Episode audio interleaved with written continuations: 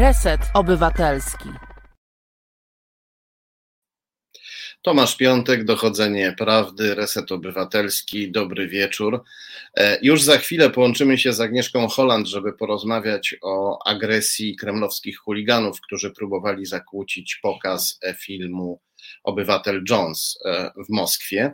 Ale e, najpierw, zanim połączymy się z panią Agnieszką, która na chwilę nam, jak to się mówi, spadła z połączenia, ale już za chwilę zapewne uda nam się to naprawić i będziemy rozmawiać. Na początek powiem kilka słów o tym, co nas czeka w dalszej części programu, czyli o słynnym e, hejterze z TVP, propagandziście Miłoszu Kłeczku. Opublikowałem dzisiaj na Twitterze i na Facebooku fragmenty teczki z IPN, teczki ojca Miłosza Kłeczka, który był konfidentem SB i jeszcze w 1989 roku zgłaszał gotowość do szpiegowania baz NATO w Niemczech Zachodnich dla SB, dla PRL-owskiej komunistycznej służby bezpieczeństwa chciał je szpiegować i to właściwie nie sam, tylko za pośrednictwem swoich pracowników, współpracowników, kolegów, których woził do pracy na Zachodzie, do pracy w Niemczech Zachodnich. Chciał ich niejako w to szpiegostwo wciągnąć, czy też e, no, wciągnąć, to jest dobre określenie, choć pasowałoby też wrobić, ponieważ e, gdyby ich w to wciągnął, to e, ryzykowaliby bardzo dużo, groziłyby im e, przykre konsekwencje. Poza tym no, robienie z, e, ze swoich znajomych szpiegów dla totalitarnego e, reżimu, szpiegów działających przeciwko demokracji, jest rzeczą złą samą w sobie i tego chyba wyjaśniać nie trzeba. E, pojawiło się parę głosów na Twitterze, że nie powinno się ujawniać takich e, szczegółów, ponieważ pan e, Kłeczek senior jest ojcem Kłeczka juniora. Kłeczek junior odpowiada sam za siebie, a nie odpowiada za to, co robił jego ojciec. I to jest prawda. I gdyby tak było, gdyby to była jedyna rzecz, która łączy obu kłeczków, to, że jeden jest ojcem, a drugi synem, to najprawdopodobniej bym e, nie opublikował fragmentów tej e, teczki, nie pisałbym o tym w ogóle. Ale tak się składa, że to nie jest jedyna rzecz, która ich łączy. Ojciec Kłeczek, Kłeczek senior, wspomaga Kłeczka juniora i dzięki wsparciu ojca i jego biznesowych kolegów Kłeczek może uprawiać swoją, e, może uprawiać nienawistną propagandę dla PiS, dla TVP i nie jest obojętne to, że e, sponsorem tej propagandy jest ktoś, kto w 89 roku jeszcze, kiedy komunizm upadał, tak bardzo wierzył w komunizm albo w jego siłę, że chciał dla komunistycznego reżimu e, szpiegować wojska krajów demokratycznych. To jest nieobojętne. Poza tym, nawet gdyby tak nie było, nawet gdyby chodziło tutaj tylko o e, związek rodzinny, to i tak sprawa mogłaby mieć znaczenie, bo e, Kłeczek jest wyjątkowo e, zajadłym propagandzistą, wyjątkowo zajadłym hejterem. E, I rodzi się pytanie, jakie są jego motywacje, które pchają go e, do takiego działania, do działania tak gorliwego, że e, zostawia za sobą nawet ludzi takich jak Rachoni czy Wybranowski, propagandzistów, którzy niemal przed niczym się nie cofną. E, to jest e, pytanie, e, które, na które należy odpowiedzieć nie tylko po to, żeby zrozumieć kłeczka. Rozumiem, że wielu z nas nie ma specjalnej ochoty, żeby rozumieć kogoś takiego jak kłeczek, ale żeby powinniśmy starać się zrozumieć mechanizmy rządzące kłeczkiem, po to, żeby zrozumieć mechanizmy rządzące reżimem PiS, tym jak on werbuje sobie tych propagandzistów swoich, jak ich kontroluje, jak nimi kieruje. Możliwe jest, że teczka ojca VPN jest dobrym sposobem na to, żeby e, kłeczka trzymać pod kontrolą i zmuszać na przykład do e, przesadnych, wręcz groteskowych napaści na e, Donalda Tuska, które uprawia, i do innych jego propagandowych wybryków. Dlatego takie materiały, oczywiście po rozważeniu wszystkich za i przeciw, publikować należy. Nie zawsze jest to wskazane. Ja niedawno trafiłem na e, teczkę ojca pewnego katolickiego działacza, katolickiego czy pseudokatolickiego, powiedzmy występującego jako działacz ultrakatolicki. Jego ojciec też był konfidentem SB. SBcy używali go do zwalczania, proszę sobie wyobrazić, hipisów w swoim mieście, ponieważ SB uważało, że młodzi ludzie chodzący w e, kwiecistych koszulach, mający długie włosy, są zagrożeniem dla komunistycznego systemu.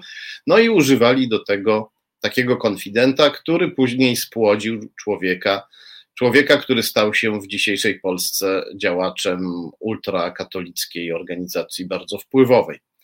E, ale między tą działalnością ojca a, a działalnością syna e, nie widać e, wyraźnego związku, nie widać e, prawdopodobieństwa takiego związku, więc uznałem, że nie będę tej teczki publikował. Tak powinniśmy robić, powinniśmy na każdym kroku rozpatrywać wszystkie za i przeciw. Wszystko powinniśmy ważyć na sprawiedliwej wadze. Oczywiście każdy z nas jest niedoskonały, ale każdy z nas powinien dążyć do sprawiedliwego rozsądzania spraw. E, ja się trochę zrzymam na takich pięknoduchów, którzy wołają, że tam zostawmy e, ojca, e, ojca Kłeczka w spokoju, bo to tylko ojciec. Wszyscy lub większość z nas się na nich zrzyma. To przeszkadza, kiedy jesteśmy na froncie, w sytuacjach frontowych, ale z drugiej strony oni są bezcenni ci, ci, ci ludzie o pięknych duszach. Oni być może przeszkadzają w walce, kiedy jesteśmy na wojnie, ale po zwycięstwie oni są bezcenni i to dobrze, że ich mamy, bo tacy ludzie przypilnują, żeby e, sprawiedliwa kara, którą trzeba będzie zgodnie z prawem wymierzyć przywódcom PiS, nie stała się odwetem, zemstą. Łączymy się z Agnieszką Holland, która już, e, z którą już udało nam się połączyć. Dobry wieczór. E, nie słyszymy, coś jest z dźwiękiem. E, już piszę do naszej e, realizatorki. Już będziecie słyszeć. A. Już słyszycie. Tak jest, super. Mhm. Ogro ogromnie, mikrofon, ogromnie dziękuję, że przyjęła Pani zaproszenie, że przyjęłaś, bo tak mam ten zaszczyt jakby, że jesteśmy na ty. Ogromnie się cieszę, że przyjęłaś zaproszenie i chciałem Cię poprosić, żebyś powiedziała, co się wydarzyło w Moskwie, kiedy e, pokazywano tam Twój film Obywatel Jones, mówiący o tym, jak e, o skutkach e, głodu wywołanego przez Kreml na Ukrainie w latach 30., głodu, który zaowocował śmiercią milionów ludzi. No więc ten film, muszę powiedzieć, przez Rosjan był przyjęty od początku bardzo negatywnie. E, pierwszy raz go pokazałam na festiwalu w Berlinie, w, który to był rok, 2018 chyba. E, I reakcja wszystkich obecnych tam krytyków radzieckich, czy przepraszam, rosyjskich, e, była bardzo negatywna, mówili o fake newsach i tak dalej. Także w każdym razie nie wiem, czy wszystkich, ale wszystkich, których, których jakby echa do mnie dotarły. E, I film oczywiście nie został zakupiony przez Rosję nigdy, e, ale mm, dopiero teraz, nie wiem czy to był pierwszy, bo miał być jakiś inny przedtem, ale zdaje się, że pandemia za, zaszkodziła tutaj. E, I ten teraz był organizowany z jednej strony przez Polski Instytut Kultury, w każdym razie oni jakoś dostarczyli kopię z tego, co się orientuję. I przez Stowarzyszenie Memoriał, znane bardzo i bardzo szlachetne i zasłużone i ważne. I ostatnim takim, ostatnim Mohikanie to są, jeśli chodzi o dochodzenie prawdy y, na temat historii najnowszej. Y, no i w, trakcie, i w trakcie, znaczy na początku chyba tego pokazu, nie, nie miałam takich zupełnie jasnych y, relacji Y, wparowały tam tituszki, y, które do złudzenia przypominają ludzi naszego y, własnego tituszka, czyli niejakiego pana Bąkiewicza, który nie wiem, czy jest finansowany przez Putina, ale na pewno jest finansowany przez ministra Glińskiego. I, no i po prostu uniemożliwili ten pokaz w sposób agresywny. Została wezwana policja, tak czy owak do tego nie doszło. Trudno mi powiedzieć, bo nie znam na tyle sytuacji aktualnej w Moskwie polityczno-społecznej, czy ten atak to był głównie atak na memoriał, czy na mój film, na temat tego filmu. Yy, oni tam krzyczeli o faszystach i o kłamstwach i tak dalej, więc na pewno kontent yy, tego filmu, jego treść nie była obojętna. Yy, no ale z drugiej strony wiadomo, że memoriał jest z kością w gardle tego reżimu, który już niemal wszystko uciszył, zawłaszczył, zamordował, wsadził do łagrów czy kolonii karnych, jak to się teraz nazywa. I, no, i, no i tyle. Także po prostu w pewnym sensie, jakby wam to powiedzieć, jest to okropne. Ale z drugiej strony, oczywiście, jako autorka mm, tego filmu, czy w każdym razie reżyserka tego filmu, y, czuję taką smutną dumę, że mm, y, to, co opowiadamy w tym filmie, jest ciągle ważne i aktualne na tyle, że może wywołać tego typu reakcje takich faszyzujących sił. To Orwell chyba powiedział, że e, dziennikarstwo, które nie ma wrogów, e, przesłanie, które nie ma wrogów, to nie jest przesłanie, tylko to jest propaganda. Że jeżeli to, co robimy, komuś się nie, nie podoba, to znaczy, że warto to robić. A jeśli podoba się wszystkim, to. No wiesz, nie wiem, czy to, nie wiem, czy to jest całkiem trafne, bo mnie się na przykład nie podoba y, y, treść y, telewizji pisowskiej TVP, i tego, co robi pan Kurski, ale to nie znaczy, że warto to robić. Znaczy, może warto to robić z punktu widzenia, z punktu widzenia interesu obecnych władz, e, ale na pewno to jest propaganda. Także coś myślę, że albo Orwell powiedział nie tak, albo. albo ja coś przekręciłem. albo ja. Tak, no Kurski być może się pociesza za każdym razem, kiedy wytykają mu kłamstwa, to on być może wtedy powtarza sobie maksymę Mussoliniego dla odmiany który mówił wielu wrogów, wielki honor. No tak, można się tak no, pocieszyć. Ja sobie też powtarzam tę maksymę, bo wrogów u nas dostatek. Niestety. Ale chciałem Cię spytać o inne uczucie, bo mało jest osób e, w Polsce, e, jak Ty, równie e, przychylnie nastawionych do tego wszystkiego, co jest dobre e, w kulturze i tradycji i cywilizacji rosyjskiej.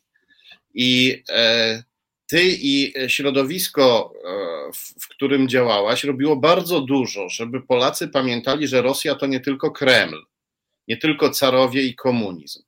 Co się stało z tą Rosją poetów, niezależnych dziennikarzy, z tą Rosją którą, którą, którą kochaliśmy, z tą Rosją wielkiej literatury, kultury, czy tylko Stowarzyszenie Memoriał zostało?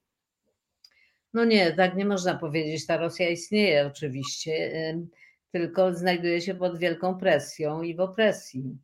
Częściowo jest na emigracji, a częściowo jest y, na emigracji wewnętrznej, a częściowo jest prześladowana przez władze, y, bo nie tylko, y, nie tylko mm, Aleksy Nawalny, czyli człowiek, który zresztą jest takim reprezentantem, można powiedzieć, rosyjskiej inteligencji bardzo mocno, poza tym, że ma mm, wodowską charyzmę i polityczną determinację, czy, czy raczej taką bojowniczą y, determinację, y, ale szereg, szereg moich kolegów, reżyserów daje świadectwo temu, że że Rosjanie są nie tylko pod względem artystycznej głębi, ale też odwagi cywilnej wspaniałym narodem.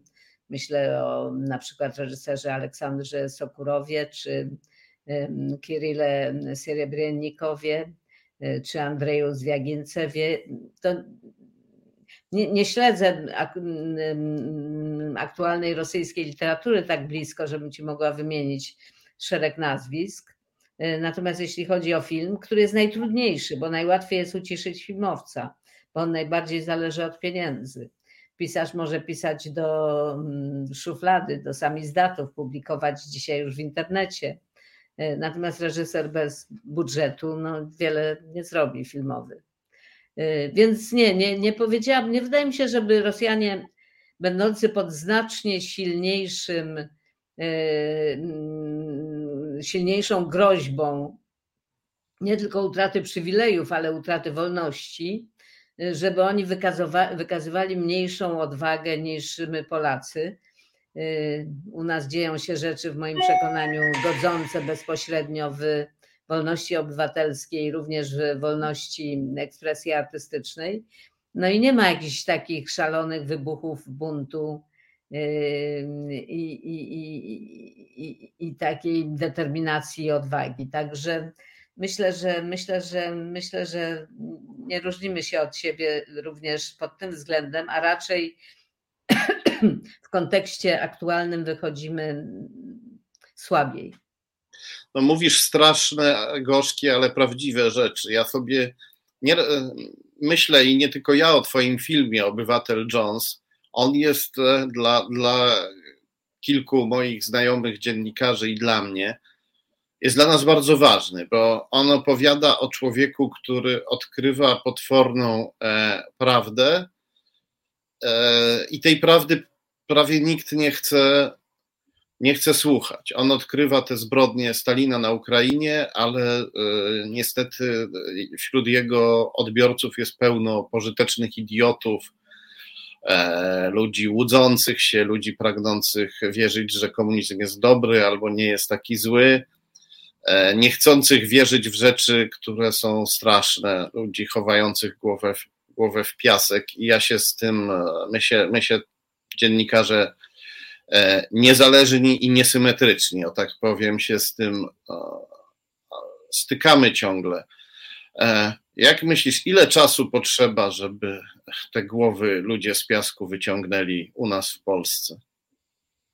Wiesz, to nie wiadomo, dlatego że to jest jakby ogólnoświatowa tendencja, taka ucieczka od wolności, ucieczka od rzeczywistości, y, próba stworzenia jakiegoś takiego matriksa, w którym poczujemy się bezpieczniej albo, y, albo ważniejsi się poczujemy, jakoś dowartościowani.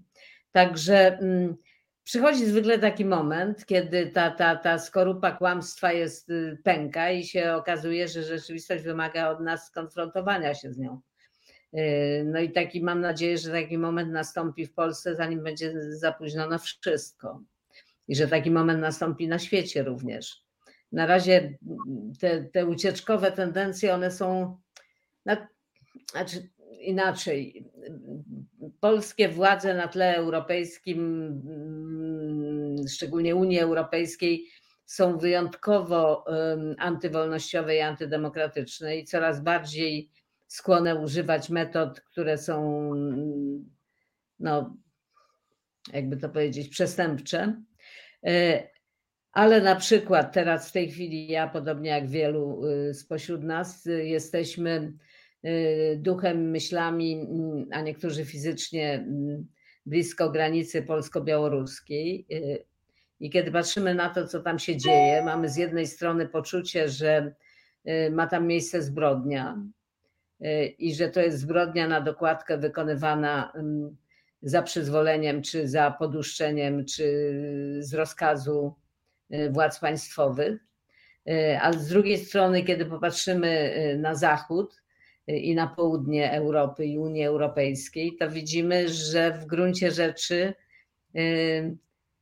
ta zbrodnia jest akceptowana, czy przynajmniej cicho akceptowana przez przez, no, przez całą właściwie Europę, y, która ma podobne uczucia, że nie, może, że nie możemy dopuścić do tego i że zagrożeniem dla naszego niebezpieczeństwa bezpieczeństwa jest to, że y, wejdą do nas ci obcy z południa, czy z Bliskiego Wschodu, czy z Azji. Y, i zachowujemy się właśnie tak, jak mówisz, jak ci chowający głowę w piasek, bo wydaje nam się, że jeżeli schowamy głowę w piasek i zbudujemy dość wysoki mur, żeby nie widzieć, co jest za tym murem, to unikniemy, unikniemy konfrontacji z rzeczywistością. Otóż nie unikniemy. Y, nie unikniemy i boję się, że ponieważ nie jesteśmy do tej konfrontacji w ogóle przygotowani, w ogóle się do niej nie przygotowujemy, podobnie jak do klim, kryzysu klimatycznego, używamy dużo pięknych słów, podpisujemy jakieś deklaracje, ale nic z tego nie wynika. to ta konfrontacja będzie wyjątkowo brutalna i może się okazać ostateczna niejako. Także tak, także mam w tej chwili pesymizm dotyczący nie tylko Polaków, czy, czy, czy dyktatora takiego jak Łukaszenka, czy Putin, y, czy Erdogan, ale myślę, że ludzie w ogóle nie są skłonni do y, przyznania się do tego, w jakim miejscu się znajdujemy jako ludzkość, jako Europejczycy, jako bogata północ i tak dalej, i tak dalej. No cóż, przykład Chin, które wybudowały największy na świecie mur, uczy, że mur nie chroni przed inwazjami, a przykład bliższy nam starożytnego Rzymu uczy, że społeczeństwo, które e, ucieka e, w rozrywki, zamiast zmierzyć się z wyzwaniami, choćby nie wiem, jak było mądrzejsze, bogatsze, bardziej cywilizowane od otaczających tak zwanych barbarzyńców, w końcu im ulegnie. Problemy trzeba rozwiązywać. Nie da się ich rozwiązać przez, ani przez totalną konfrontację, ani przez totalny eskapizm. Ale wspomniałaś o władzach e, naszego kraju. E, widziałem, że po tej e, napaści chuliganów na Stowarzyszenie Memoriał podczas pokazu Twojego filmu nasze władze wydały jakąś deklarację, w której zapewniały, że bronią ciebie i twojego filmu. Czy za tym poszły jakieś działania? No, nie słyszałam o żadnych działaniach, szczerze mówiąc. Nie, nie hmm. słyszałam również tej deklaracji. Z jakich kręgów ona wyszła, czy pamiętasz? no nasze władze, nasze jak nasze, pisowskie władze uprawiają przeważnie politykę twitterową. Widziałem, że e, na Twitterze e, pojawiła się informacja, że rzecznik MSZ-u e, Łukasz Jasina chyba coś powiedział, albo zapowiedział, że ktoś coś powie. No, to jest historyk, który ma trochę pojęcie o historii, więc może jakoś coś skojarzył, ale ja nie wiedziałam, że MSZ jeszcze istnieje. To prawda, nie mamy e, służb ani specjalnych, ani dyplomatycznych. A e, równocześnie niemal w tym samym czasie, w, sobotę, na warszawskim Torwarze z wielkim koncertem wystąpił rosyjski raper o pseudonimie Basta, który popiera Putina, popiera zagarnięcie Krymu przez Rosję. W zeszłym miesiącu występował z Putinem, brał udział w tej samej imprezie rosyjskiej otwierającej rok szkolny dla dla uczniów. Nawet chwalił Putina za to, że ten e, domaga się e, oczyszczenia rosyjskiego futbolu z cudzoziemskich graczy. Tego człowieka zaproszono i wystąpił on na Torwarze, który podlega wicepremierowi i ministrowi kultury Piotrowi Glińskiemu. No widać e, wicepremier i minister kultury i do niedawna również jeszcze minister sportu e, lubi takich właśnie dziarskich chłopców, zarówno polskiej krwi, jak i rosyjskiej krwi. I chętnie ich jakoś promuje i wspiera. Dlaczego tak się dzieje? Trudno mi zrozumieć. To jest jeden właśnie gusta zachowania i wybory tego akurat wicepremiera, profesora Piotra Glińskiego są dla mnie głęboką tajemnicą ludzką, duszy ludzkiej. I myślę, że zasłużył sobie może nie na powieść, ale na mm, opowiadanie.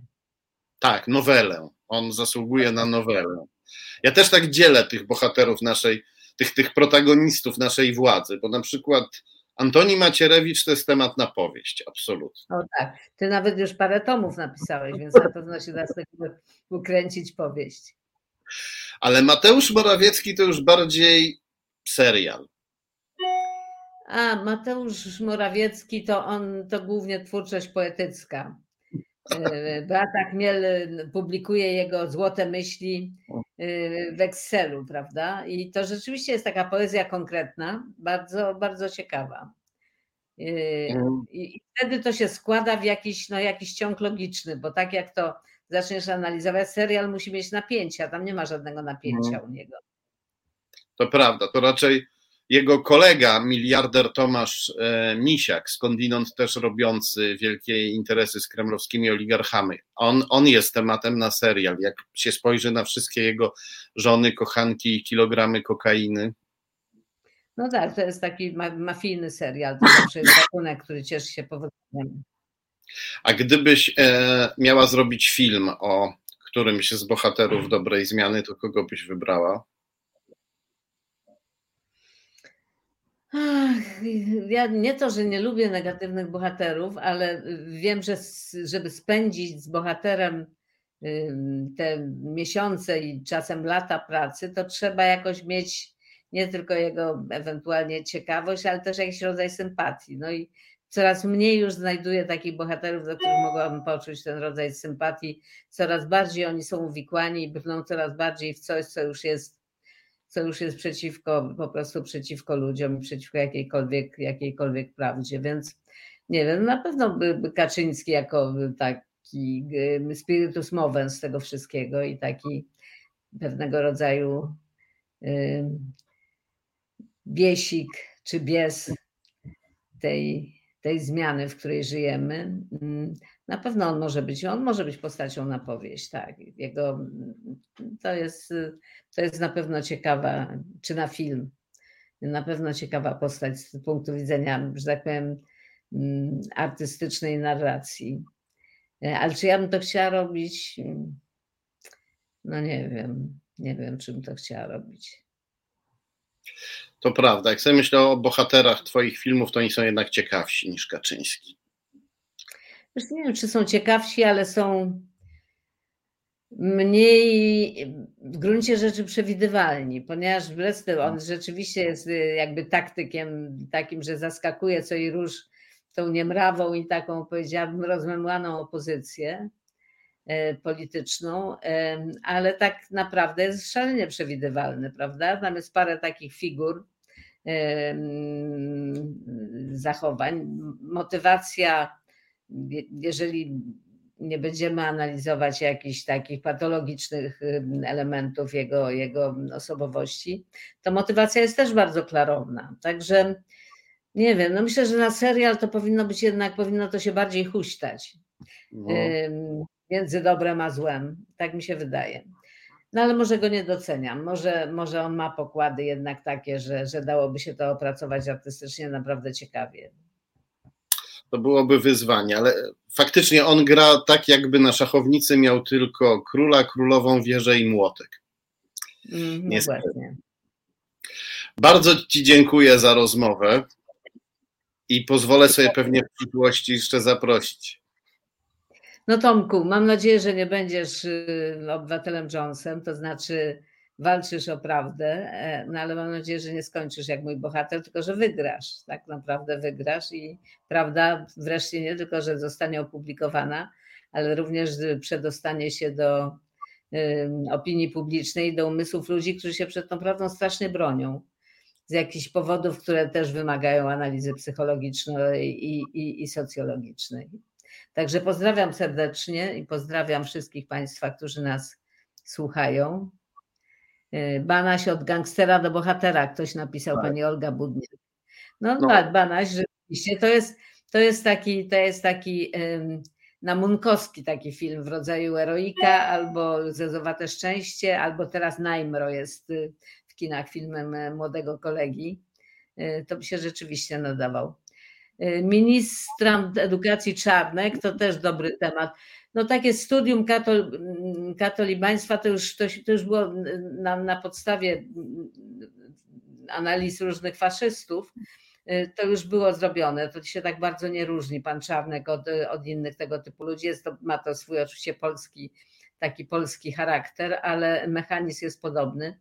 Ja, ja myślę, że nie, no myślę, że właśnie poza Macierewiczem i, i, i, i być może Kaczyńskim to na dramat się nie, nadaje żaden z nich, a na komedię wielu oczywiście.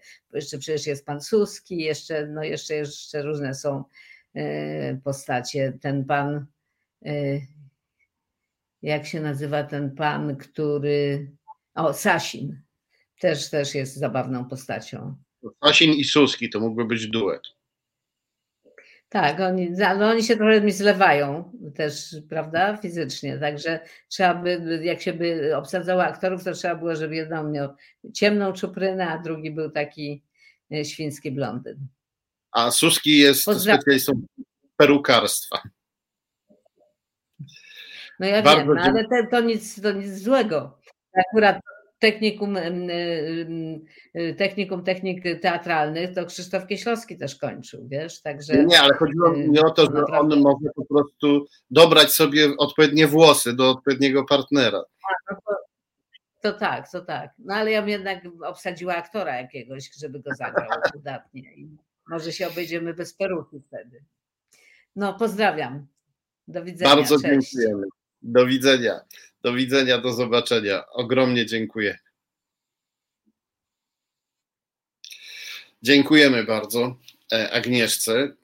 A my za chwilę przejdziemy do bohatera szczególnego. Mówiliśmy tutaj o różnych gatunkach e, filmowych, literackich i o różnych typach bohaterów. E, o tym, kogo z bohaterów dobrej zmiany można obsadzić, e, w jakim filmie lub w jakiej książce można byłoby go opisać, w jakim rodzaju literackim, czy ktoś zasługuje na powieść, na nowelę.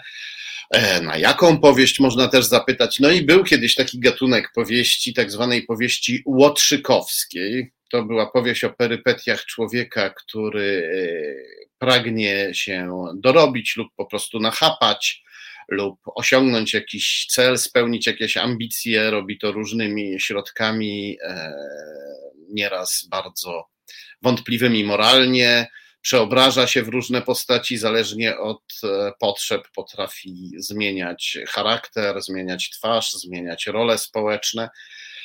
E, żyje między różnymi światami i e, czasem się nachapie, ale przeważnie obrywa. Taki jest bohater powieści Łotrzykowskiej. I e, bohaterem takiej powieści mógłby być Miłosz Kłeczek, do którego za chwilę przejdziemy. I nie tylko do niego, bo także do jego ojca, albowiem będziemy się zajmować sagą rodu Kłeczków. Sagą, która, jak mówię, jest sagą nie tylko rodowo rodzinną, ale też e, biznesowo-polityczną i dlatego się nią zajmujemy, a nie dlatego, że nas interesują tylko i wyłącznie więzi rodzinne.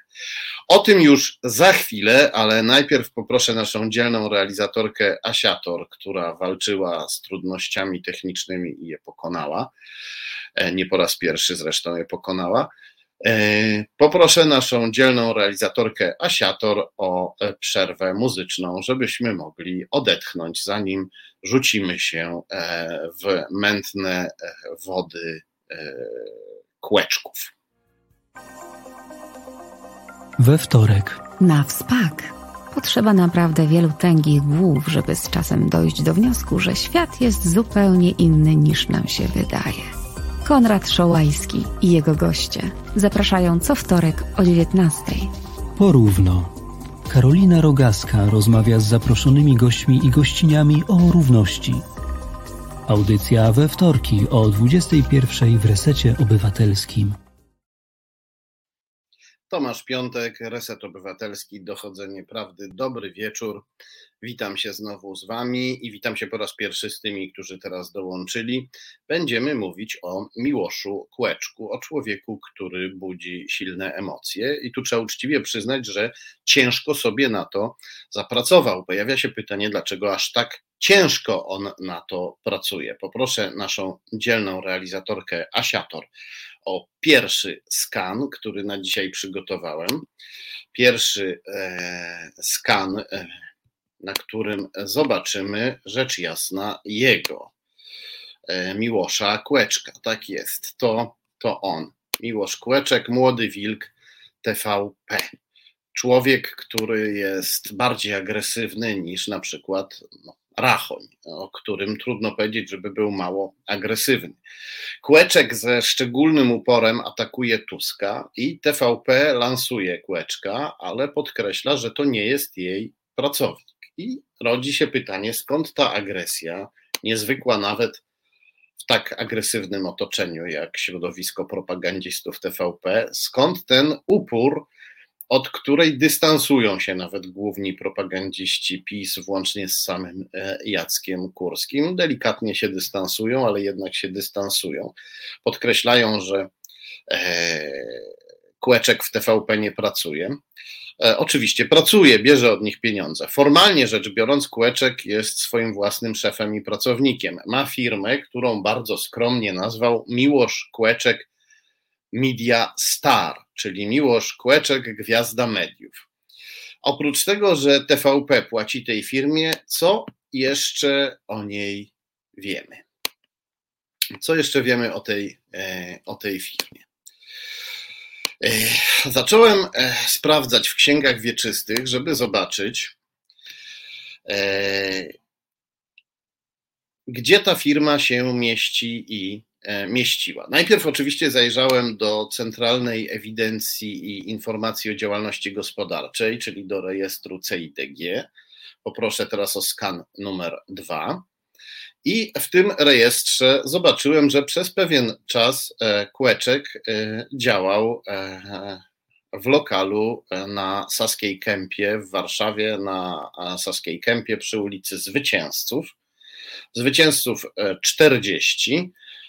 Numeru mieszkania nie podam, ponieważ także dlatego, że mieszka tam ktoś inny. E, w tej chwili, e, nie Kłeczek i być może tutaj ktoś mógłby nie dosłyszeć, że Kłeczek tam nie mieszka i pobiec tam, żeby Kłeczkowi wyrazić e, swoje uczucia na jego temat, a to byłoby niewskazane również dlatego, że tam w tej chwili już Kłeczka nie ma. No i sprawdziłem w księdze wieczystej, czyje to jest mieszkanie. Poproszę o następny skan. To jest skan z e, serwisu e, elektroniczne księgi wieczyste. E, tutaj jest numer księgi wieczystej, jest adres zwycięzców 40, no i oczywiście zamazałem, czy też wybieliłem, zasłoniłem numer lokalu. Po, 40, po, po cyfrze 40, po liczbie 40 były jeszcze trzy inne cyfry, to był numer lokalu, to zamazałem z przyczyn, o których mówiłem. I zamazałem też nazwisko właścicielki, ponieważ sama mnie o to e, poprosiła. No, nic dziwnego, że nie chce się e, zadawać z. Poprosiła mnie, więc jak łatwo się domyśleć, do niej e, dotarłem. I co się okazało? Poproszę o następny skan, skan z serwisu LinkedIn, serwisu społecznościowego profesjonalistów. To jest właśnie ta osoba. Oczywiście zasłoniłem twarz i nazwisko znowu, bo mnie poprosiła. Pani Jolanta. I e, pani Jolanta pracuje w banku Santander, dawniej BZWBK. Zajmuje tam, pełni tam dość ważne funkcje, zajmuje dość wysokie stanowiska, całkiem wysokie. Ten bank był, jak wiemy, bankiem e, Mateusza Morawieckiego, w tym sensie, że Mateusz e, Morawiecki był jego prezesem przez wiele, wiele lat, zanim został pisowskim wicepremierem, a potem premierem e, Rzeczypospolitej Polskiej. Był też akcjonariuszem tego banku. I co tam robiła pani Jolanta? Robiła tam różne rzeczy. Poproszę o skan numer 5 nadal to jest tak, to jest e, skan też z serwisu LinkedIn, z serwisu społecznościowego profesjonalistów. Czytamy tutaj, że e, pani Jolanta była osobistą asystentką e, wiceprezesa zarządu. Przypominam, Mateusz Morawiecki był prezesem BZWBK i miał paru wiceprezesów. Więc pani e, Jolanta była sekretarką zastępcy Mateusza Morawieckiego i wynajmowała Kłeczkowi mieszkanie, w którym on prowadził swoją firmę e, Miłosz Kłeczek Media Star, czyli Miłosz Kłeczek Gwiazda Mediów. Udało mi się dotrzeć do pani Jolanty e, za pośrednictwem Facebooka. I poproszę teraz o następny skan, skan e, numer 6. Wysłałem jej wiadomość, w której pytałem ją o ten lokal i o jego związki z Miłoszem Kłeczkiem. Zapytałem, jak do tego doszło, że Kłeczek zarejestrował tam działalność, z jakich przyczyn wybrał ten lokal, dlaczego później go opuścił, jaką działalność tam prowadził, czy tylko prowadził tam działalność gospodarczą, czy również mieszkał, czy urządzał tam zebrania, posiedzenia, spotkania biznesowe, imprezy, czy przechowywał tam dokumenty, składował towary, jeśli tak, to jakie towary, czy wie pani, kto go tam odwiedzał, czy poznała go pani osobiście, jeśli tak, to jak do tego doszło. I e, e, pani e, Jolanta odpisała mi tak. Dzień dobry, pan Miłosz Kłeczek wynajmował ode mnie mieszkanie. Nie znam odpowiedzi na pana pytania i wolę pozostać poza tym tematem. Nie życzę sobie, aby moje nazwisko pojawiło się w artykule. Pozdrawiam, Jolanta. Jak widzicie, nie jest to artykuł, no ale i tak oczywiście uszanowałem życzenie pani Jolanty, nie podałem jej, nie podaję jej nazwiska. Natomiast jej odpowiedź jest niezwykle dziwna. Ja rozumiem, że ona może nie wiedzieć, co tam Kłeczek do, do końca robił, co tam składował, kto go odwiedzał, czy tam mieszkał, czy tylko prowadził działalność, ale pani Jolanta nie udziela mi odpowiedzi na najprostsze pytania. Więcej, mówi, że nie zna odpowiedzi na najprostsze pytania, które każdy wynajmujący musi znać. Ja pytam ją, jak do tego doszło, że Kłeczek zarejestrował tam działalność? Dlaczego później go opuścił? Czy poznała go pani osobiście? A ona mi odpowiada, że ona nie zna odpowiedzi na te pytania. To brzmi tak, jakby ona była tylko e, słupem, jakby ktoś jej polecił. E, wpuścić tam kłeczka do tego mieszkania, wynająć mu to mieszkanie i niespecjalnie się interesować, co tam się dzieje. To brzmi bardzo dziwnie. No, e, zazwyczaj wynajmujący mieszkanie, e, człowiek, który wynajmuje komuś mieszkanie, się interesuje tym, co z tym mieszkaniem dzieje, sprawdza człowieka, na ile może tego, któremu wynajmuje mieszkanie, po to, żeby wiedzieć, czy ktoś mu nie zaleje mieszkania, czy nie ucieknie, na przykład nie, opłaciwszy czynszu, czy nie będzie urządzał imprez pijackich, czy nie podnajmie nielegalnie tego mieszkania komuś, czy nie sprowadzi tam na przykład e, całej y, rodziny skądś, która będzie na przykład w tym mieszkaniu i prowadzić jakąś hałaśliwą działalność gospodarczą. No, bardzo różne obawy ma właściciel mieszkania. Chce znać w miarę możliwości człowieka, któremu wynajmuje mieszkanie, choćby pod kątem tych wszystkich możliwych niedogodności i niespodzianek, o których e, wspomniałem. A tu pani Jolanta mi odpowiada, że nie zna odpowiedzi na pytanie, jak do tego doszło, że Kłeczek wybrał sobie jej mieszkanie, zamieszkał w nim, czy też zainstalował tam swoją firmę. Bardzo to jest, e, bardzo to jest dziwne. Więc postanowiłem dowiedzieć się więcej o pani Jolancie.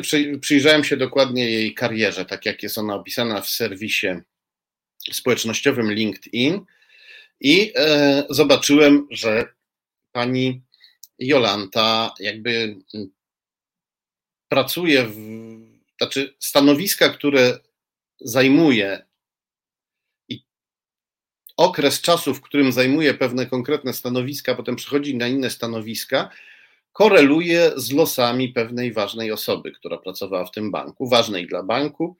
E, chodzi o e, członka zarządu, e, o członka zarządu o nazwisku Szyszkowiak, do którego za chwilę wrócimy ponieważ e, rozmawiając z panią Jolantą za pośrednictwem Facebooka, facebookowego e, komunikatora Messenger, jeszcze udało mi się przez chwilę tę rozmowę pociągnąć. Poproszę o następny, e, o następny skan.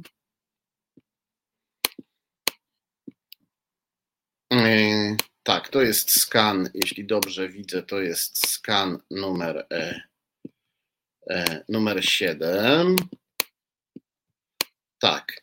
E, zapytałem e, panią e, Jolantę, czy współpracowała z Feliksem Szyszkowiakiem, bo przebieg jej kariery na to wskazuje. Przebieg, przynajmniej na ile mogę poznać ten przebieg kariery z tego, co zamieściła w serwisie LinkedIn.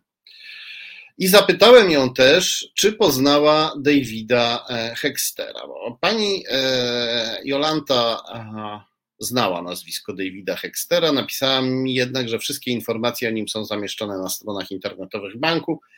Nie chciała więcej o nim e, mówić.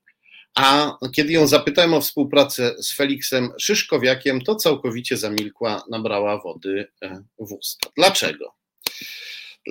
Dlaczego ją spytałem o te dwie osoby i dlaczego zamilkła? Spróbujemy teraz na to pierwsze pytanie mogę odpowiedzieć z całą pewnością. No, mm, odpowiedź, do odpowiedzi na drugie pytanie też możemy się za chwilę przybliżyć. Poproszę o skan numer 8.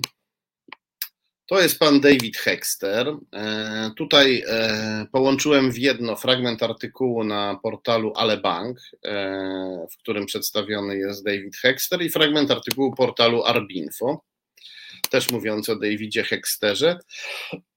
David Hexter, członek Rady Nadzorczej Santander Bank Polska, wcześniej BZWBK, to współpracownik Mateusza Morawieckiego i kremlowskiego dygnitarza Władimira Jakunina.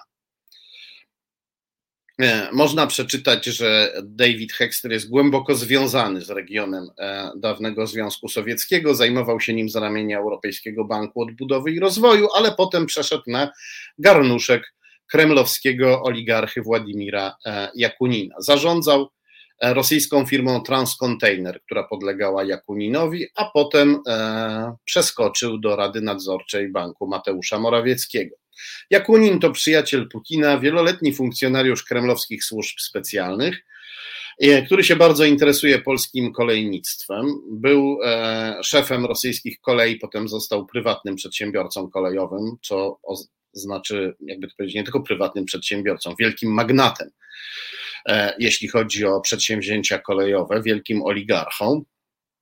E, interesuje się polskimi e, drogami kolejowymi, infrastrukturą w Polsce. Grzegorz Rzeczkowski opisał między innymi, jak Jakunin storpedował budowę portu rzecznego w Kędzierzynie-Koźlu, posługując się do tego między innymi funkcjonariuszami polskich służb specjalnych, funkcjonariuszami ABW, bo ta budowa portu nie odpowiadała interesom kremlowskiego oligarchy Władimira Jakunina.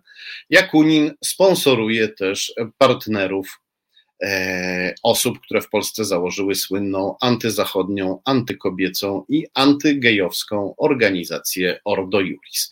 No więc nic dziwnego, że pani Jolanta nie chciała wiele e, mówić o mm, Davidzie Hexterze. A dlaczego nabrała e, całkowicie wody w usta, kiedy zapytałem o Feliksa Szyszkowiaka? Poproszę o następny skan. Skan to jest fragment artykułu z portalu i gazety Puls Biznesu, skan numer 9. Otóż e, e, czytamy w tym artykule, że Felix Szyszkowiak e, był kandydatem na to, żeby po odejściu Mateusza Morawieckiego zostać prezesem banku. Był konkurentem Mateusza Morawieckiego w wyborach z 2007 roku, kiedy to e, e, wybierano prezesa BZWBK, później Santander. I, e, ale ta rywalizacja z 2007 roku w niczym nie zepsuła dobrych relacji między menedżerami i gdy Mateusz Morawiecki odchodził e, z banku, e, Felix Szyszkowiak uchodził za osobę, którą Mateusz Morawiecki namaścił na swojego zastępcę.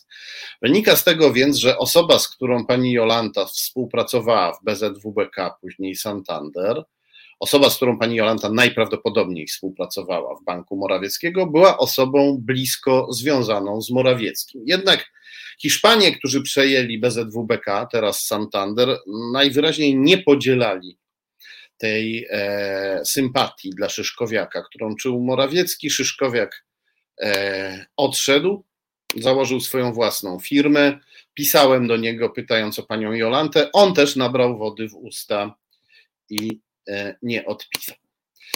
E, to jest jakby pierwszy ciekawy mm, aspekt działalności gospodarczej Miłosza Kłeczka, to, że firma jego zagnieździła się w mieszkaniu e, osoby związanej z Mateuszem Morawieckim, a do innych, jeszcze ciekawszych aspektów przejdziemy za chwilę. Poproszę jednak najpierw naszą realizatorkę Asiator o kolejną porcję muzyki, po to, żebyśmy mogli pozbierać myśli, bo informacji tutaj było dużo.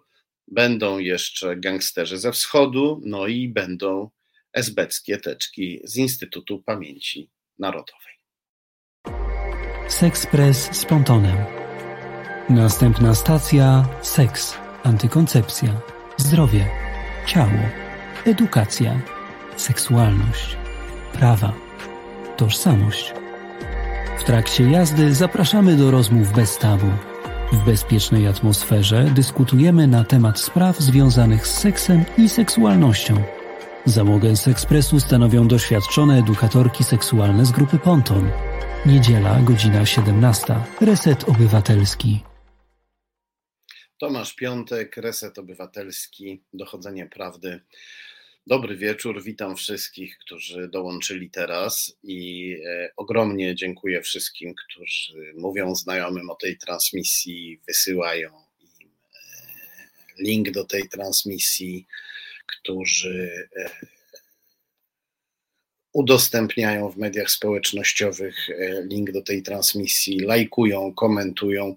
Ogromnie Wam wszystkim dziękuję, tak samo jak dziękuję wszystkim, którzy wspierają nas finansowo, e, wspierają zbiórkę na portalu zrzutka.pl do czego bardzo e, zachęcam. Za chwilę nasza realizatorka pewnie pokaże nam tak adres internetowy tej e, zrzutki, tej zbiórki na zrzutce, czy też zrzutki na zrzutce. Bardzo zachęcam, żeby wziąć e, w niej udział zrzutka.pl łamane przez Z, łamane przez Reset Obywatelski. Można też, też nas e, wspierać bezpośrednimi wpłatami na konto Fundacji Arbitror, która wydaje Reset Obywatelski i nasza realizatorka Asiator pewnie zaraz nam pokaże e, numer e, fundacji, numer konta fundacji, na który można wpłacać. Bez tego e, nie moglibyśmy nadawać, a wy nie moglibyście się dowiedzieć, kim tak naprawdę jest Miłosz Kłeczek i skąd się wziął. W mediach głównego nurtu takie dokładne śledztwa niestety teraz stanowią rzadkość, aczkolwiek trzeba przyznać, że gazeta e, wyborcza, jeśli chodzi o niektóre aspekty działalności e, Miłosza Kłeczka, słynnego hejtera z TVP, który szczuje na Donalda Tuska, no, że Gazeta Wyborcza niektórym aspektom jego działalności przyjrzała się dokładnie i poproszę teraz o kolejny e, skan. To jest skan stanowiący fragment artykułu Gazety e, Wyborczej, artykułu, który opisuje kłopoty Miłosza Kłeczka z prawem, ale też e, nawiązuje do jego kłopotów finansowych, e, z których się wydobywał, dzięki czyjej pomocy. Mm, otóż to, i to jest właśnie kluczowe. To jest kluczowe, dlatego właśnie ta dzisiejsza transmisja ma miejsce. Dlatego, a w każdym razie dlatego mówimy w niej nie tylko o Kłeczku, ale również o jego ojcu. Cytuję e, fragment artykułu Gazety Wyborczej. Jak Kłeczek godził biznesy z dziennikarstwem? No tu oczywiście przysłowie dziennikarstwo powinien być cudzysłów. Jak Kłeczek godził biznesy z dziennikarstwem? Były redaktor Superstacji mówi nam, że powszechną wiedzą w redakcji było to, iż Miłosz ma bogatego ojca, który robi interesy. Bogaty to wspomniany już Krzysztof Kłeczek, w Częstochowie znany bohater wielu sporów sądowych. W 2011 roku był przedstawiany jako niepokorny przedsiębiorca na łamach Gazety Częstochowskiej, tygodnika związanego z lokalnym PiS i posłem tej partii.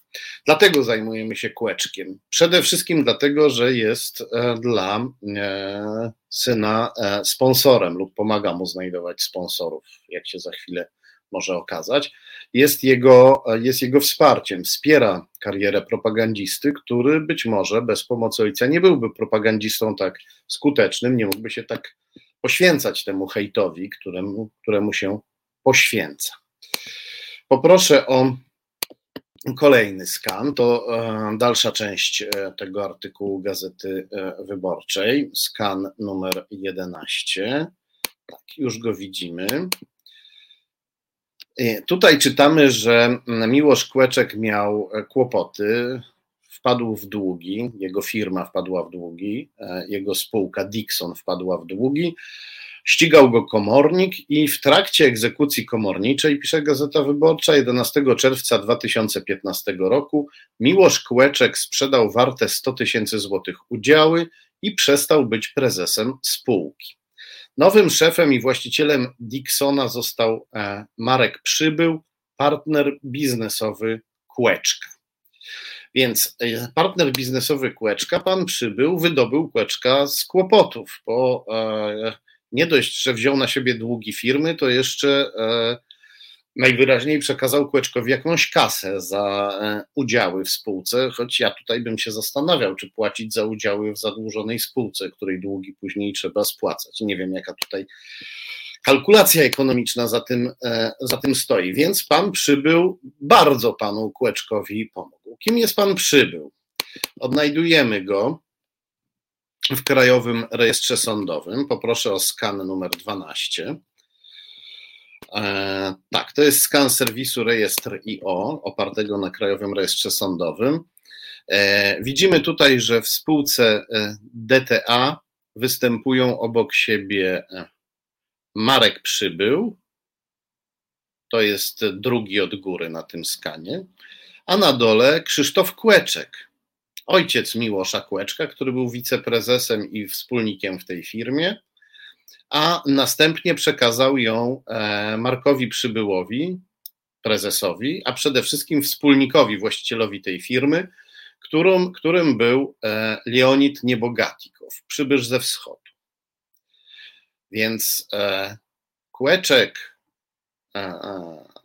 przekazał firmę, Kłeczek ojciec, Kłeczek senior, Krzysztof Kłeczek przekazał firmę Markowi Przybyłowi, który e, ratował jego syna przed długami, e, ale przede wszystkim przekazał ją Leonidowi Niebogatikowowi, który jako właściciel, nowy właściciel tej spółki był szefem Marka Przybyła, tego, który e, ratował kłeczka z kłopotów, młodego kłeczka z kłopotów. Uporządkujmy to sobie, więc jakby młody kłeczek jest ratowany z kłopotów, jest ratowany przed komornikiem. Ratuje go przed komornikiem Marek Przybył, e, biznesowy partner ojca, starego Kłeczka, Kłeczka seniora i e, podlegający, od momentu podlegający właścicielowi spółki DTA, którym jest przybysz ze wschodu Leonid Niebogatikow.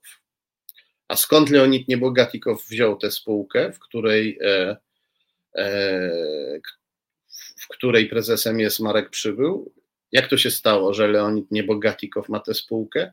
No przejął ją od Krzysztofa Kłeczka, ojca. To może brzmi trochę zawikłanie, jak się na to patrzy, na ten e, na skan, który przedstawiam, to jest o wiele jaśniejsze. Kiedy ta transmisja się skończy i stanie się filmem, będą mogli sobie Państwo wrócić do tego skanu, zatrzymać kadr, powiększyć, zobaczyć. Można też odnaleźć e, obu kłeczków w serwisie rejestr IO w Krajowym Rejestrze Sądowym. Jedno jest jasne, panowie, obaj panowie Kłeczkowie, ojciec i syn, Marek Przybył i Leonid Niebogatikow, to jedno biznesowe kółko, jeden krąg biznesowych e, znajomych, kolegów czy też partnerów.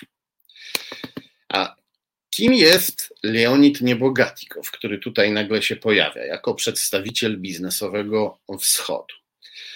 E, biznesmena o tym nazwisku odnajdujemy w Kaliningradzie. Poproszę o e, skan numer 13. Odnajdujemy go w Kaliningradzie jako e, zarządcę menedżera spółki Bautawto Standard. To jest e, skan z jednego z rosyjskich serwisów biznesowych. Najpierw jest Niebogatikow, napisane cyrylicą, potem im, nazwisko, potem imię Leonid, potem odczestwo, czyli jakby to, co ta, ta, ta forma, której my w Polsce nie mamy, ale to jest e, Iwanowicz, się nazywa syn Iwana na przykład, prawda? E, gdyby pan Leonid miał syna, to on nazywałby się Leonidowicz. Jest też e, numer identyfikacyjny, numer podatkowy, czyli odpowiednik naszego NIP-u, który pana Leonida identyfikuje. No dobrze, i czym jest ta spółka Bałtawto Standard? E, sprawdziłem ją w kilku rosyjskich rejestrach biznesowych, a przede wszystkim w oficjalnym rejestrze biznesowym EGRIUL, który jest odpowiednikiem naszego KRS-u. I co się okazuje? Otóż przedsiębiorca z Kaliningradu, menedżer z Kaliningradu, pan mm, Niebogatikow. Tutaj poproszę o skan numer 14. To są, tutaj połączyłem e, jakby w, tym, jednym skanie połączyłem dwa skany z dwóch e, rosyjskich e, rejestrów biznesowych. Okazuje się, że pan Niebogatikow ma w Kaliningradzie za partnerów Polaków Sławomira Kozłowskiego i Zbigniewa Baneta. Hmm. Kim oni są? Kim są ci Polacy, z którymi zadaje się pan Niebogatikow z Kaliningradu? Zajrzałem znowu do naszego polskiego KRS-u, naszego polskiego rejestru biznesowego i znalazłem pana Zbigniewa Baneta. Poproszę o skan numer 15. Pan Zbigniew Banet figuruje jako wspólnik i prezes zarządu w firmie Holocen, poprzednio Platinet. I od kogo pan Zbigniew Banet przejął tę firmę? A od pana Mariusza Stępnia, który jest na samym dole skanu. Na górze skanu jest pan Zbigniew Banet, prezes zarządu wspólnik, a na dole Mariusz Stępień, były prezes zarządu i wspólnik, czyli właściciel firmy. Kim? I tutaj, jak to sobie zobaczyłem, sobie powiedziałem, zaraz, zaraz, Mariusz Stępień, gdzie go ja widziałem? Gdzie ja widziałem Mariusza Stępnia? I poproszę e, naszą realizatorkę Asiator, żeby też się cofnęła, wróciła razem ze mną do skanu numer 12, który już widzieliśmy. Skan numer 12, spółka DTA i kogo tu widzimy? Przypomnę, jest Marek Przybył, który wyratował młodego kółeczka z kłopotów, jest e, Leonid Niebogatikow, e, właściciel spółki, w której pan przybył, ratownik Kłeczka jest prezesem, jest ojciec, stary Kłeczek, Kłeczek senior, który przekazał Niebogatikowowi i przybyłowi spółkę DTA i jest Mariusz Stępień, który przez cały czas w tej spółce działa najpierw jako wiceprezes, a potem zostaje wspólnikiem obok Niebogatikowa, obok przybysza ze wschodu. Czyli po co to wszystko mówię? Po to, żebyśmy mieli absolutną, stuprocentową pewność, że Niebogatikow z Kaliningradu, którego tam znaleźliśmy, to kolega biznesowy panów Kłeczków. Ten sam Leonid Niebogatikow, partner, kolega i znajomy biznesowy Kłeczka seniora oraz Marka Przybyła, który uratował młodego Kłeczka przed komornikiem. I dlaczego to jest ważne? Otóż e, dlatego, że e, białoruskie e, serwisy internetowe i gazety, także te niezależne, które później zostały zamknięte przez Łukaszenkę, jak serwis Tutbaj, poinformowały o bardzo ciekawej okoliczności. Poinformowały o tym, że w 2018 roku Leonid Niebogatikow, i tutaj poproszę o e, skan, e, dużo tego jest, sam się chwilami gubię, skan numer 16 e, to powinien być, tak? Skan numer 16. Więc białoruskie media, także te niezależne, niezależne od Łukaszenki, więc prawdomówne lub bardziej prawdomówne na pewno niż te łukaszenkowskie, Media białoruskie, także te niezależne, poinformowały, że w 2018 roku obywatel rosyjski Leonid Niebogatikow wpadł na granicy polsko-białoruskiej przy próbie przemytu 300 kg narkotyków.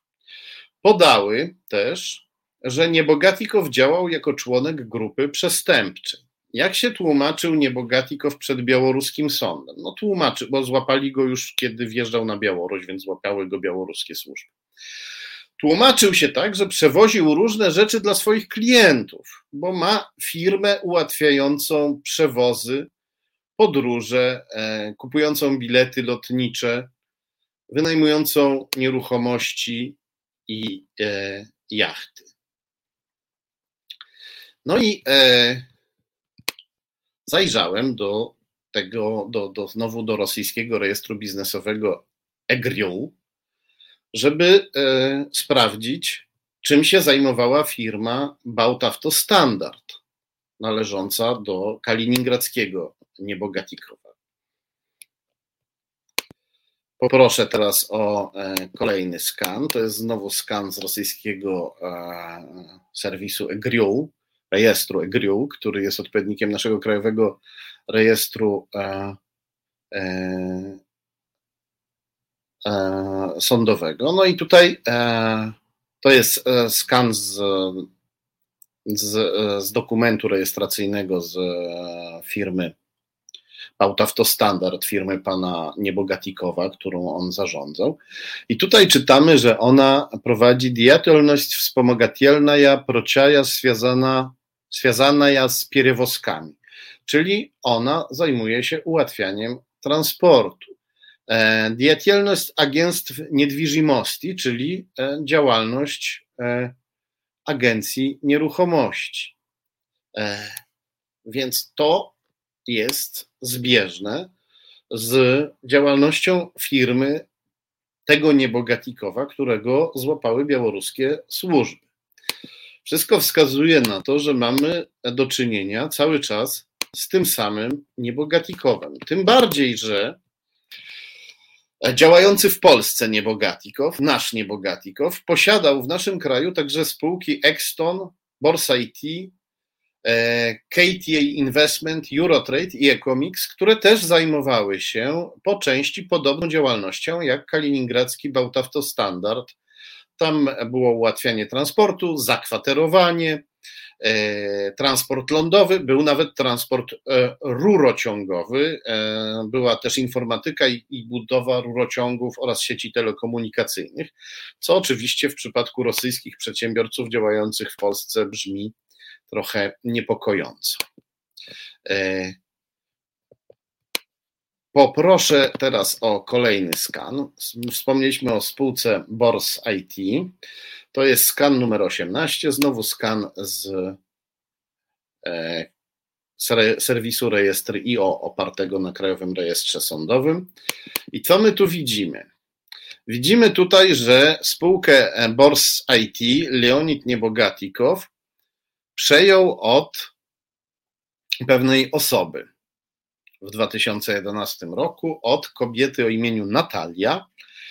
No i ja tutaj zamazałem jej nazwisko, bo ona to kolejna kobieta w tej historii, która poprosiła mnie, żeby jej nazwiska nie ujawniać. Mm, pani Natalia ma nazwisko mm, niezwykle popularne w Rosji, Ukrainie i Białorusi, więc nawet jeśli ktoś e, zajrzy do serwisu rejestry i, o, i, o, i, i odkryje, o jakie nazwisko chodzi, to zidentyfikować panią Natalię będzie mu bardzo trudno i też przed tym przestrzegam, bo pani Natalia poprosiła o, e, o dyskrecję, o to, żeby nie ujawniać jej nazwiska, z przyczyn zrozumiałych, e, które za chwilę, jeszcze, za chwilę staną się jeszcze bardziej zrozumiałe.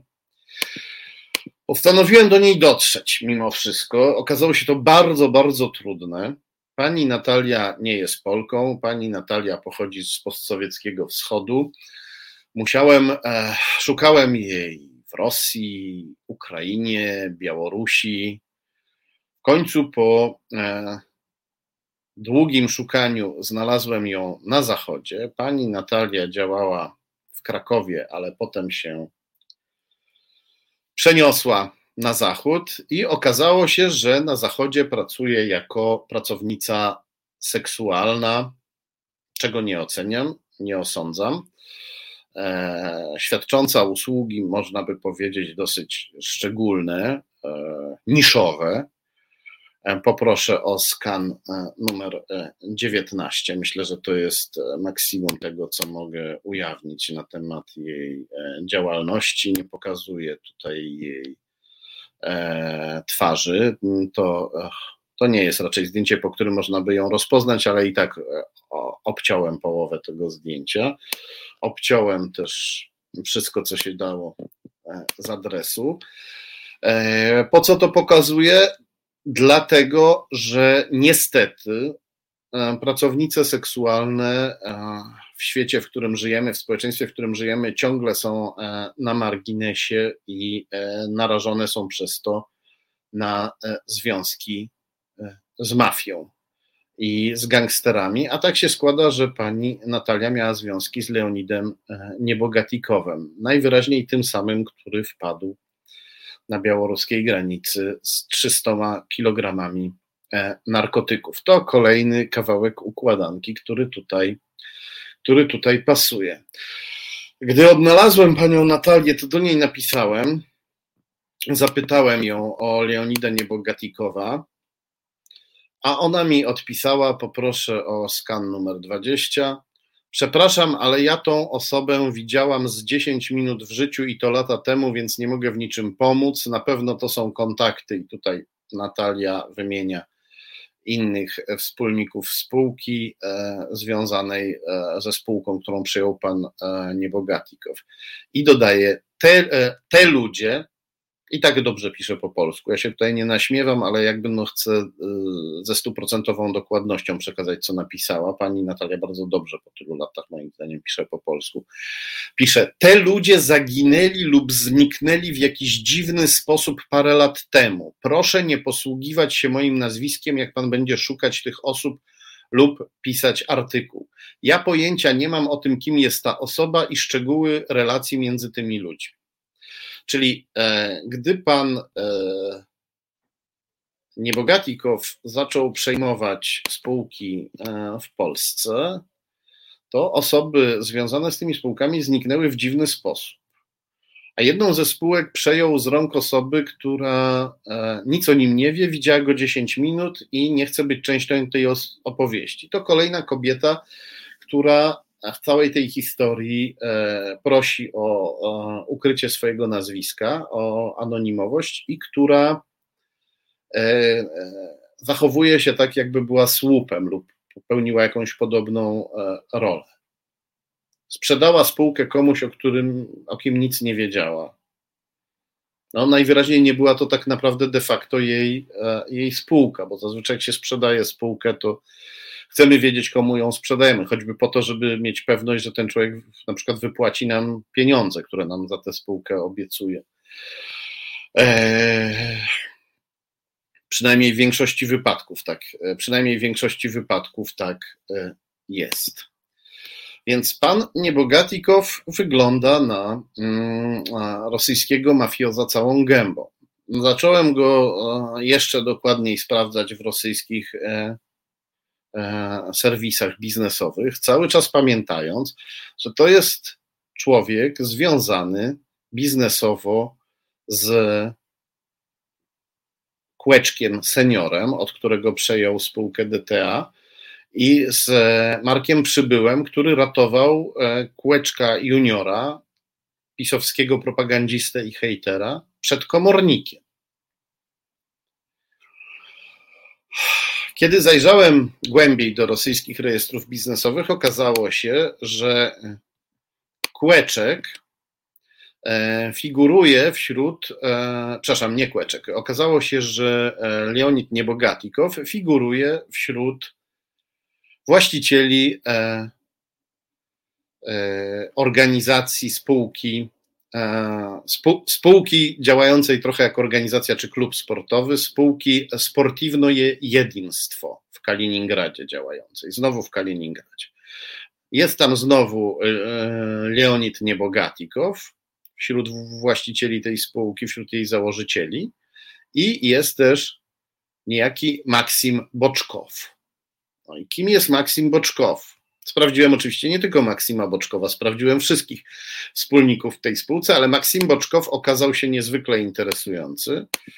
Okazało się, e, e, poproszę tutaj o, poproszę najpierw, bo e, jeszcze o e, skan numer 21, tak dla porządku, żebyśmy sobie zobaczyli. To jest właśnie skan z rosyjskiego rejestru biznesowego. Drugi, wśród nazwisk, które widzimy, drugi od góry jest e, Boczkow Maksim, a e, drugi od dołu jest Niebogatikow Leonid. I poproszę o następny skan, o skan e, numer 22. To jest bardzo ciekawy skan.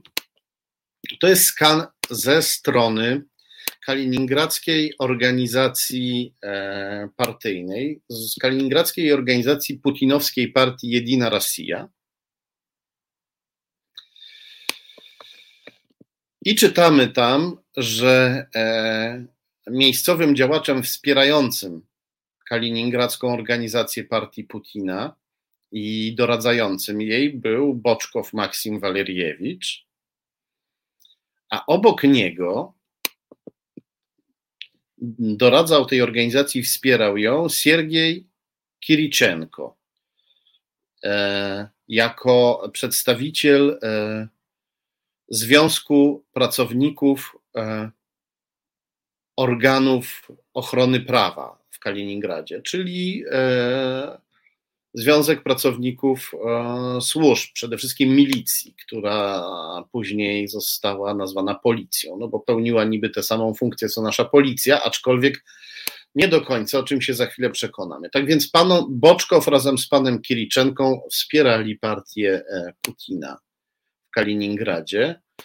I e, przynajmniej pan Kiriczenko na tym dobrze wyszedł. Poproszę o kolejny skan. Skan numer 23 to jest e, e, fragment e, artykułu, w którym wypowiada się e, kaliningradzki działacz demokratyczny walczący z korupcją Igor Rudnikow, który został oskarżony sam o korupcję, o szpiegostwo, został e, zaatakowany nożem, ledwo przeżył, trafił do putinowskiego więzienia. Zrobiono mu to wszystko dlatego, że walczył z putinowską korupcją. I on mówi tutaj e, o Kiriczence. W tym artykule czytamy o tym, że Kiriczenko jako szef kaliningradzkiej milicji, policji, zrobił z niej po prostu miejscową mafię, która wyparła lokalnych, pomniejszych gangsterów i sama zbierała haracz od, od przedsiębiorców. E, co w Rosji jest niestety zjawiskiem e, dosyć, e, dosyć częstym. I po co wgłębiamy się w te wszystkie rosyjskie, kaliningradzkie szczegóły i zawiłości? Po to, żeby wiedzieć. Leonid Niebogatikow z jednej strony jest wspólnikiem w firmie razem z człowiekiem, który wspiera partię e, Putina i robi to wspólnie z skorumpowanym milicjantem, gangsterem Kiriczenką. Niebogatikow też sam jest gangsterem, który e, przemyca narkotyki, przejmuje spółki od słupów. Ludzie, od których przejął spółki lub z którymi robił interesy, znikają w dziwnych okolicznościach. Ten sam Niebogatikow jest biznesowym partnerem Kłeczka seniora oraz Marka Przybyła, który uratował młodego Kłeczka przed komornikiem. Jest partnerem człowieka, który uratował Kłeczka w tarapatach finansowych, Miłosza Kłeczka, propagandzistę z TVP.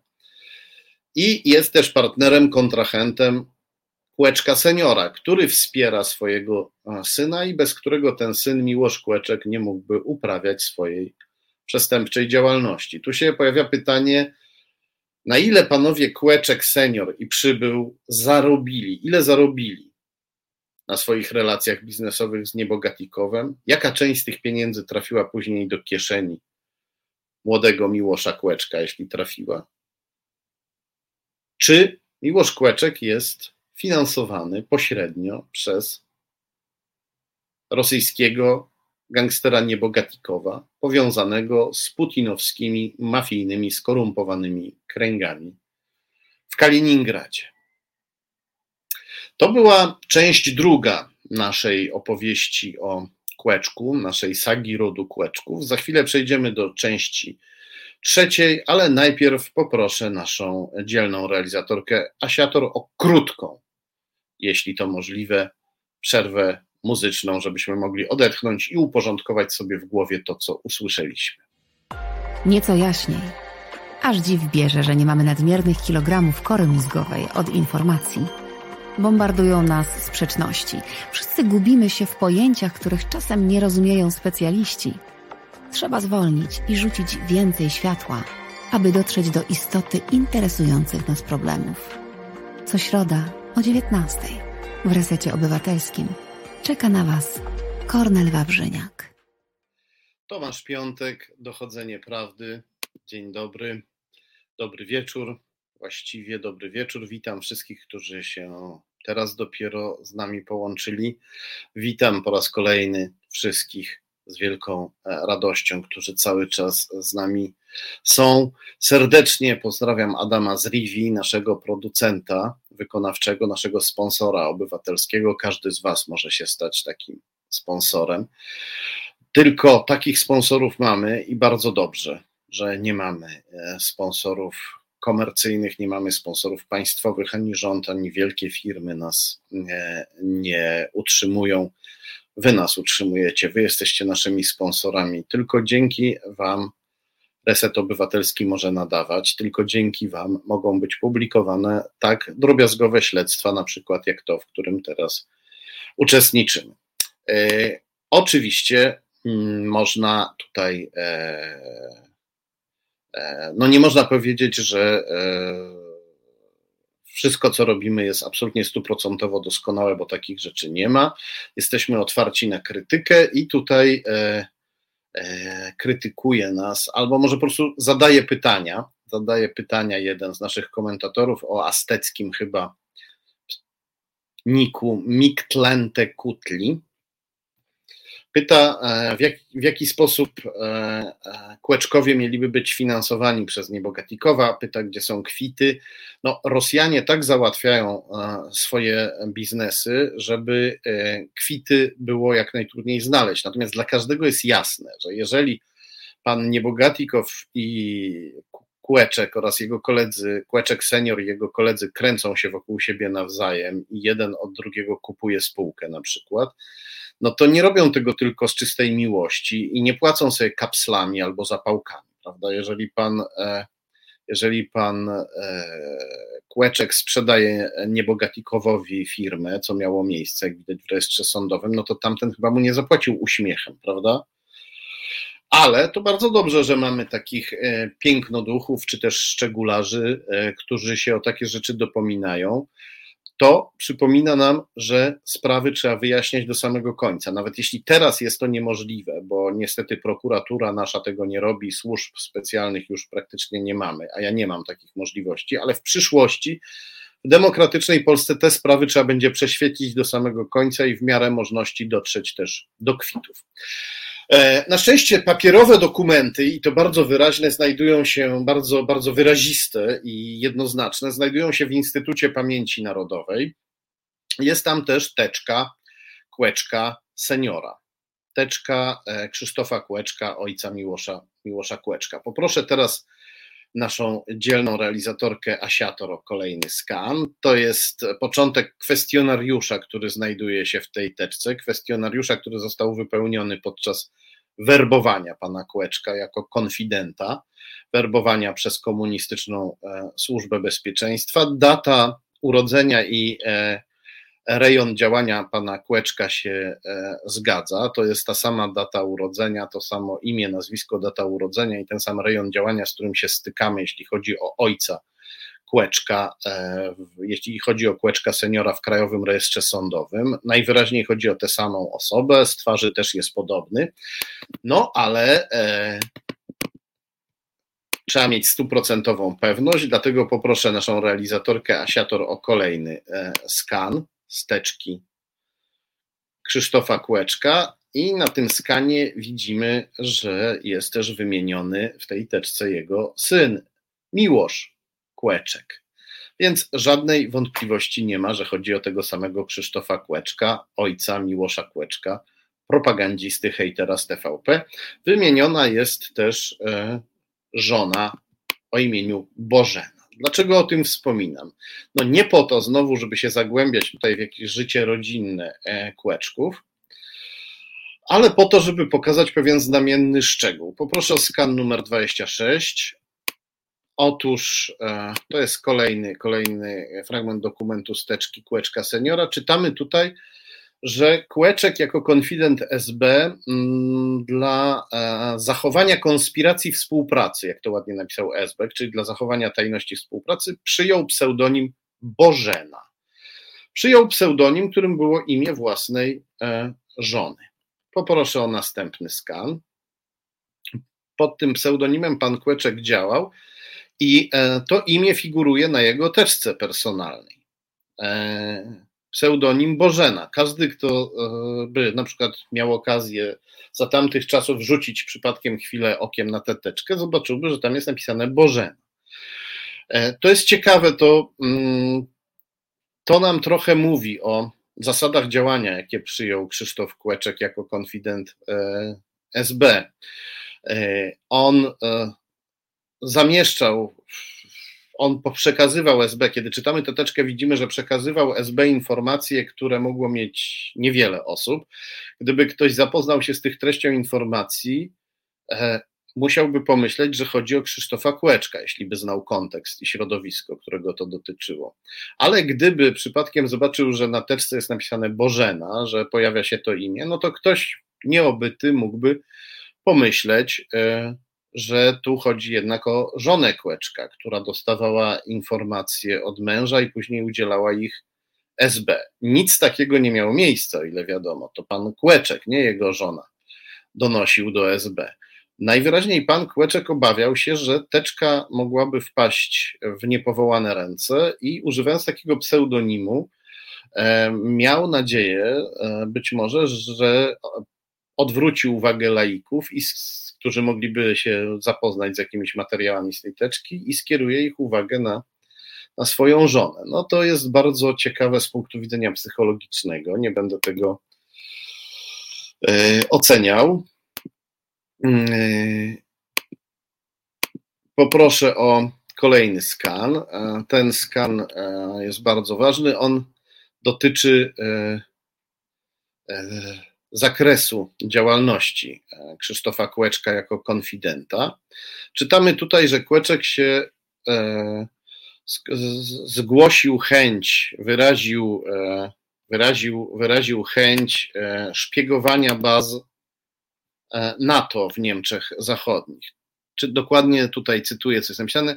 Dodał, że zdecydowany jest również wykonywać dla mnie zadania na terenie RFN, pisze Esbeck, oficer prowadzący. Dodał, że zdecydowany jest również wykonywać dla mnie zadania na terenie RFN, bo e, ma e, dużo, przepraszam, muszę sobie powiększyć, bo ma duże możliwości związane z funkcjonowaniem baz NATO, szczególnie angielskich, w rejonie Hanoweru i München-Gladbach,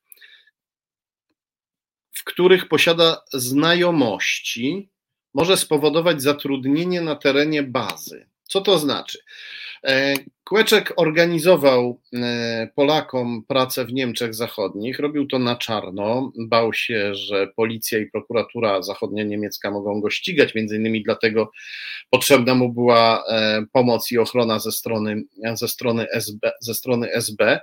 I on, organizując pracę tam ludziom, wysyłając ludzi do pracy w Niemczech Zachodnich, ludzi, którzy na przykład strzygli trawniki w pobliżu baz wojskowych albo nawet na terenie niektórych obiektów, związanych z tymi bazami wojskowymi, on e, tych ludzi chciał e, wkręcić w, w szpiegowanie dla, dla PRL. I znamienna jest także data, którą widzimy na górze, 10 listopada 1989 roku. To nam może tłumaczyć, dlaczego Krzysztof Kłeczek mógł tak bardzo się obawiać, że ta teczka trafi w niepowołane ręce. Mógł się e, obawiać, że komunizm upadnie. A jednak mimo to gotów był szpiegować dla komunistycznego reżimu. Czyli musiała być w nim jednak, mimo zrozumiałych obaw, wielka wiara w to, że komunizm jednak nie upadnie, że SB będzie trwała i że warto dla niej pracować.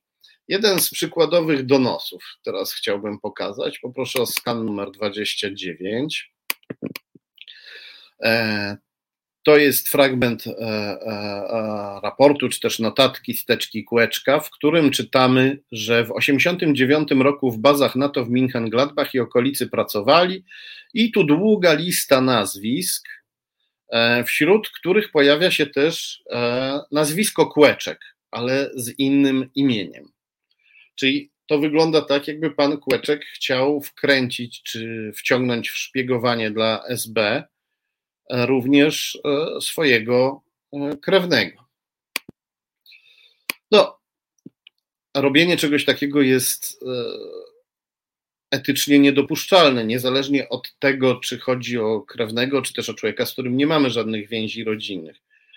No, ale w Polsce tak się przyjęło, że się bardziej e, człowiek, e, przeważnie niestety Polacy wykazują taką powiedzmy większą solidarność z krewnymi niż z ludźmi spoza rodziny, to po części można zrozumieć, no ale kiedy to jest przesadne, to, to, to jest to też tendencja antyspołeczna. E, no ale w Polsce tak jest, nie chcę teraz tego oceniać, ale w momencie, w którym ktoś nawet swojego krewnego jest gotów wkręcić w coś takiego, no to jakby to powiedzieć, czytając to czuję się dziwnie, nie chcę tego oceniać, nie chcę tego oceniać, ale czuję się dziwnie, mam wrażenie, że mam do czynienia z człowiekiem dość niebezpiecznym po prostu, kiedy, y, kiedy to czytam, u którego różne, nawet takie, jakby powiedzieć, mocno zakorzenione w ludzkiej naturze hamulce nie działają. No i poproszę teraz o e, ostatni skan. Ostatni skan steczki kółeczka. O skan numer 30 i ostatni skan, który dzisiaj sobie obejrzymy. To jest skan e, e, z postanowienia o rozwiązaniu współpracy e, z TW Bożena, z tajnym współpracownikiem Bożena, czyli z Kłeczkiem Seniorem czytamy tutaj, że współpracę z tajnym współpracownikiem pseudonim Bożena rozwiązano na wniosek tajnego współpracownika umotywowany zmianą sytuacji polityczno-społecznej, czyli z bólem, e, mimo swojej wielkiej wiary w komunizm, czy też w potęgę komunizmu i służby bezpieczeństwa, pan Kłeczek jednak uznał, że jego obawy były słuszne i komunizm upadł i już e, nie ma, nie, niedobrze jest komunizmowi służyć. Umotyw, czytam dalej. Umotywowany zmianą sytuacji polityczno-społecznej i reorganizacją służby bezpieczeństwa, dla potrzeb której został zwerbowany. Czyli e, został zwerbowany dla potrzeb służby bezpieczeństwa, ale służbę bezpieczeństwa zreorganizowano. Ona została zlikwidowana, na jej miejscu powstawał wtedy Urząd Ochrony Państwa.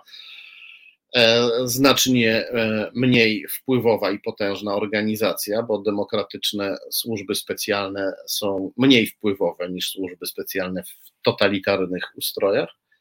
No i pan Kłeczek uznał, że takiej służbie specjalnej osłabionej to już najwyraźniej uznał, że takiej osłabionej służbie specjalnej, takiej demokratycznej to już nie ma co służyć.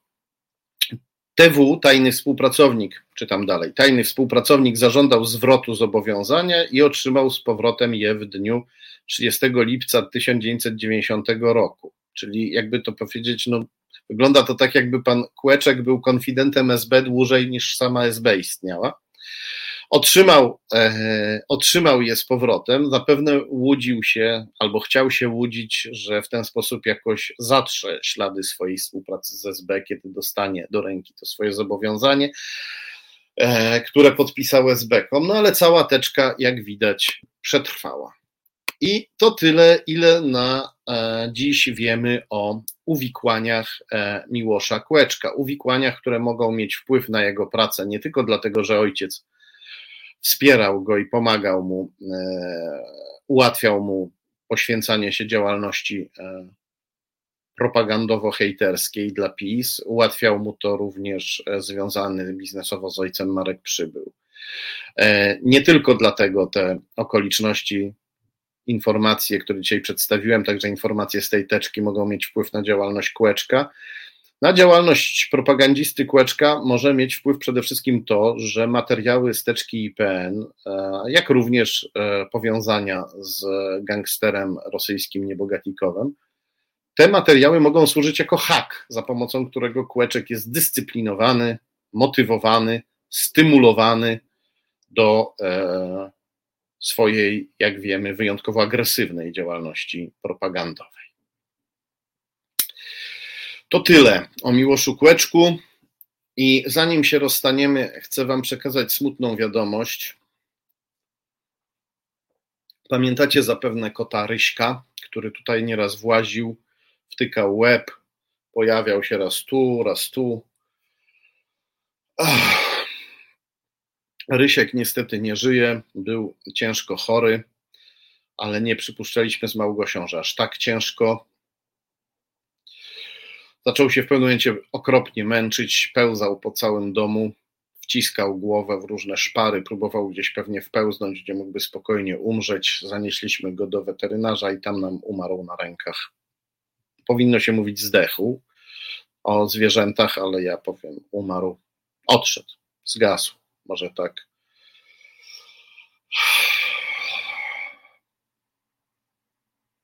To bardzo jest, mi go brakuje. Z drugiej strony cieszę się, że się już nie męczy, bo się męczył przez ostatnie lata, a gdy umierał, to zrozumiałem, jak bardzo się męczył, jak ciężka była ta choroba. Wcześniej się mieliśmy nadzieję, że, że uda się sprawić, żeby pożył dłużej. Robiliśmy wszystko, kroplówki, lekarstwa codziennie podawane, specjalna dieta. Dobrze, że się już nie męczy, szkoda, że go nie ma. Bardzo Wam dziękuję. Zapraszam na prawotekę, która już za 8 minut, a my spotkamy się za tydzień. Ściskam Was wszystkich bardzo serdecznie. Do zobaczenia. Reset Obywatelski.